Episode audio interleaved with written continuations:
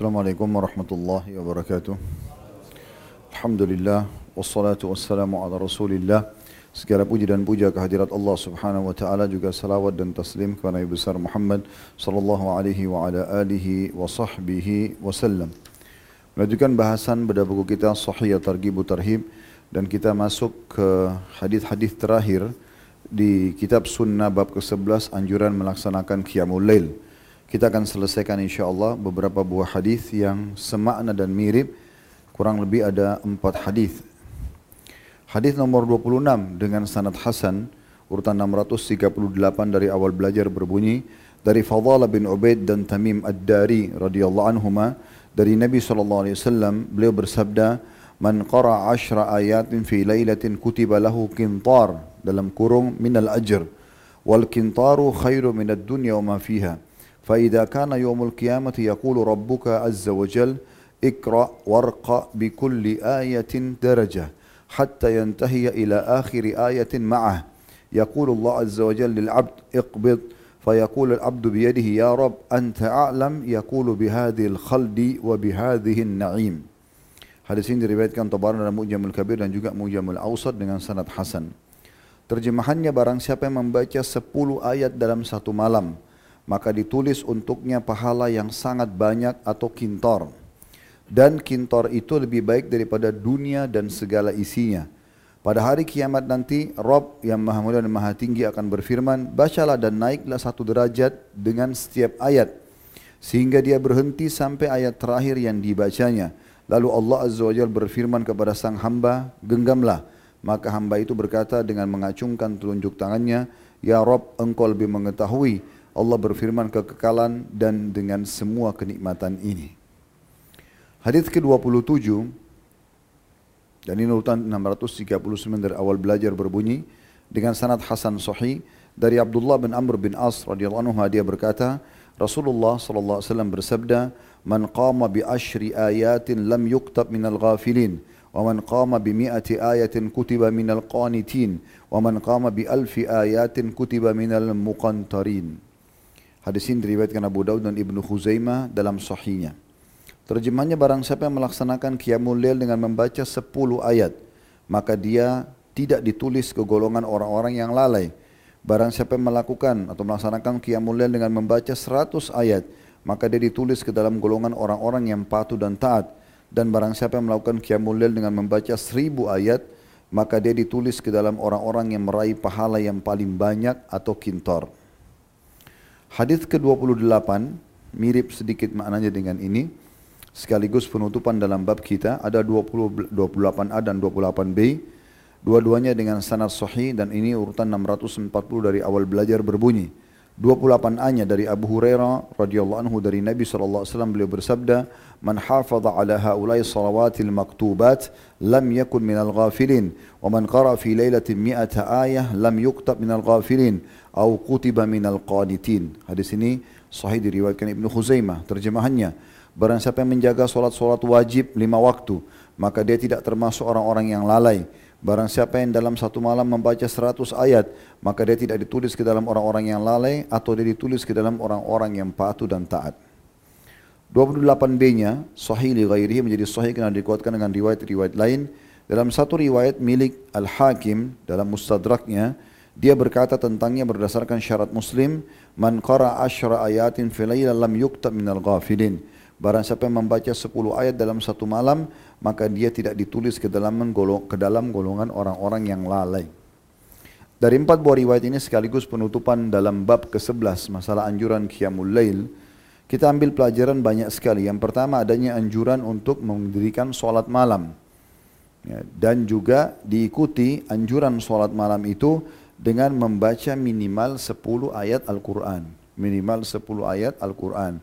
Jadi kalau misalnya kita bagi satu solat itu dua rakaat qiyamul adalah antum membaca e, dua ayat, satu rakaat satu ayat, berarti sepuluh rakaat awal qiyamul lail itu sudah sepuluh ayat. Nanti tinggal ditutup dengan al-ikhlas.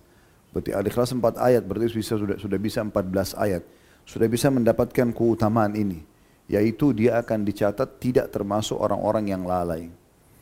Namun dari hadis ini juga kita ambil pelajaran lain, adanya motivasi dalam Islam untuk selalu meningkatkan kualitas ibadah dan kuantitasnya secara jumlah dalam ibadah-ibadah yang boleh ditingkatkan kuantitasnya. Contoh misalnya, kita biasa sholat malam cuma dua rakaat, lalu kita komitmen menjalankan atau konsisten.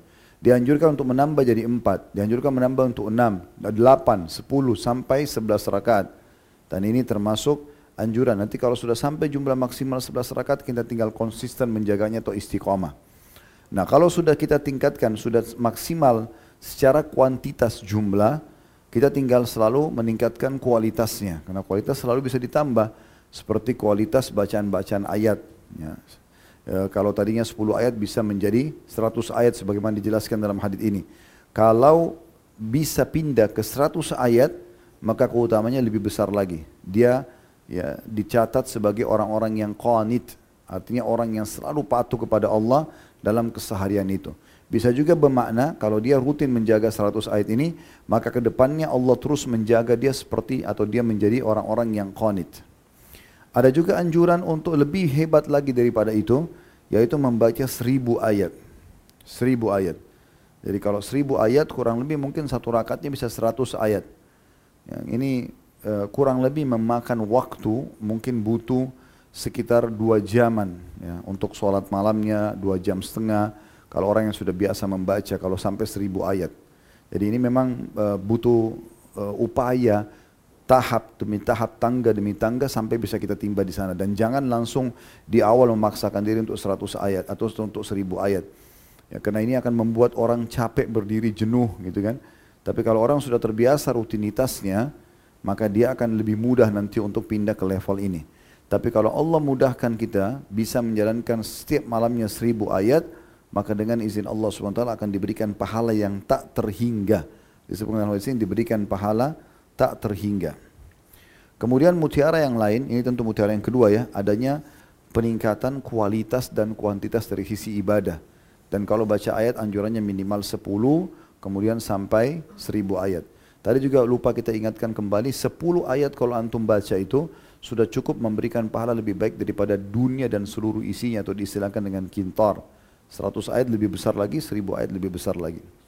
Mutiara yang ketiga dari hadis adalah adanya keutamaan bagi orang yang suka membaca Al-Quran, apalagi menghafalnya, dan dia ulang-ulangi. Keutamaan ini akan membuat nanti pada hari kiamat Allah akan memberikan dia kesempatan untuk membaca lagi apa yang dia baca di dunia, dan setiap ayat diangkat satu derajat. Beberapa asar yang lain menyebutkan dia akan disuruh terus oleh Allah membaca satu derajat naik sampai tiba tiba di tingkat tertinggi surga baru Allah mengatakan kepadanya berhentilah di sinilah tempatmu. Maka maknanya membaca ayat Al-Quran terutama di malam hari itu akan mengangkat derajat seseorang di surga bahkan bisa sampai ke level tertinggi. Dan saking mulianya satu ayat Al-Quran cukup untuk mengangkat satu derajat di surga dan sebagian eh, riwayat Ibnu Abbas menjelaskan jarak antara satu derajat dengan derajat yang lain di surga itu antara langit dan bumi. Jadi sangat jauh. Oleh karena itu ini adalah kemuliaan yang sangat luar biasa di saat orang coba membaca ayat-ayat Al-Quran. Tentu sebagian daripada ulama-ulama salaf kita itu sudah bisa membaca lebih daripada itu tentunya. Larangan dalam hadis mengkhatam Al-Quran kurang dari tiga hari. Iya. Tapi untuk membaca ayat-ayat Al-Quran dalam sholat, maka dibolehkan. Karena kalau kita baca seribu ayat pun satu malam, untuk mengkhatam Al-Quran yang enam ribu sekian ayat, itu berarti butuh enam sampai tujuh hari. Baru kita mengkhatamnya. Sementara kita dibolehkan mengkhatam dalam tiga hari. Sebagian ulama juga menghususkan bulan Ramadan. Ya, kalau misalnya ada larangan dalam hadis untuk mengkhatam Al-Quran kurang dari tiga hari, artinya enam ribu ayat sekian itu kita selesaikan dalam tiga hari, Dilarang kata Nabi SAW, maka siapa yang menghatamnya kurang dari tiga hari mungkin dia tidak akan memahami isi Al-Quran itu. Namun sebagian ulama mengatakan hadis ini ada pengecualiannya bagi waktu-waktu tertentu dan kebiasaan-kebiasaan tertentu. Misal kalau di Ramadan karena kita ingin mengejar keutamaan mengkhat Al-Quran, boleh saja orang mengkhatam kurang dari tiga hari, gitu kan? Imam Syafi'i rahimahullah itu mengkhatam di bulan Ramadan sehari dua kali Al-Quran.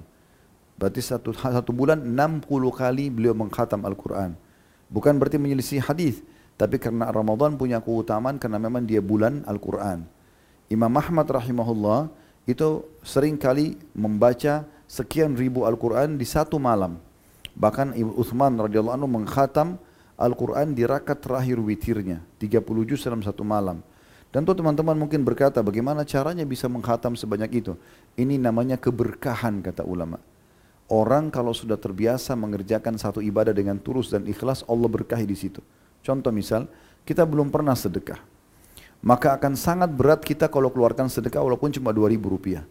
Tapi di saat kita sudah rutinkan selalu sedekah 2000, 2000, 2000 keberkahan akan ada.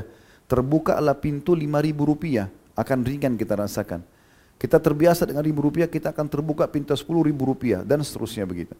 Kita terbiasa sholat malam dua rakaat, akan terbuka pintu keberkahan agar bisa mengerjakan empat rakaatnya, enam rakaatnya sampai selesai. Kalau kita terbiasa membaca Al-Quran sehari 100 ayat atau 10 ayat saja, terbuka pintu keberkahan sampai 20 ayat dan seterusnya. Sampai akhirnya banyak orang-orang mungkin yang tidak akan masuk di akal dia bagaimana kita bisa mencapai derajat itu. Semua ini keberkahan dari rutinitasnya seseorang berbuat ibadah. Itulah sebabnya kenapa Uthman bin Affan bisa mengkhatam 30 juz dalam satu malam.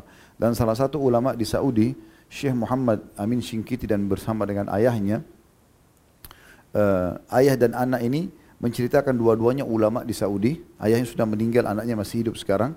Anaknya mengatakan, saya pernah mempraktekkan karena dua-dua anak dan ayah hafid Quran. Yang kami, kami pernah praktekkan, begitu selesai di awal malam, awal malam mungkin sekitar jam 11, jam 12 malam, ayah saya sudah mulai setelah Al-Fatih di rakaat pertama, Alif Lam Mim, maksudnya Al-Baqarah. Dan kami tidak sadari pas di witir kecuali kami sudah di An-Nas. Menghatam 30 juz dalam satu malam.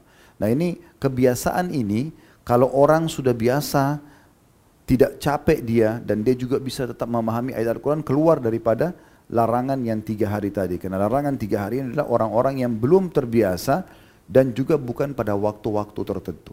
Semoga Allah SWT mudahkan kita mengamalkan insya Allah dan kita akan masuk ke depannya masih dalam kitab sholat sunnah bab ke-12 celaan sholat dan membaca Al-Quran dalam keadaan mengantuk. Subhanakallah bihamdika asyhadu an la ilaha illa wa atubu ilaik. Assalamualaikum warahmatullahi wabarakatuh.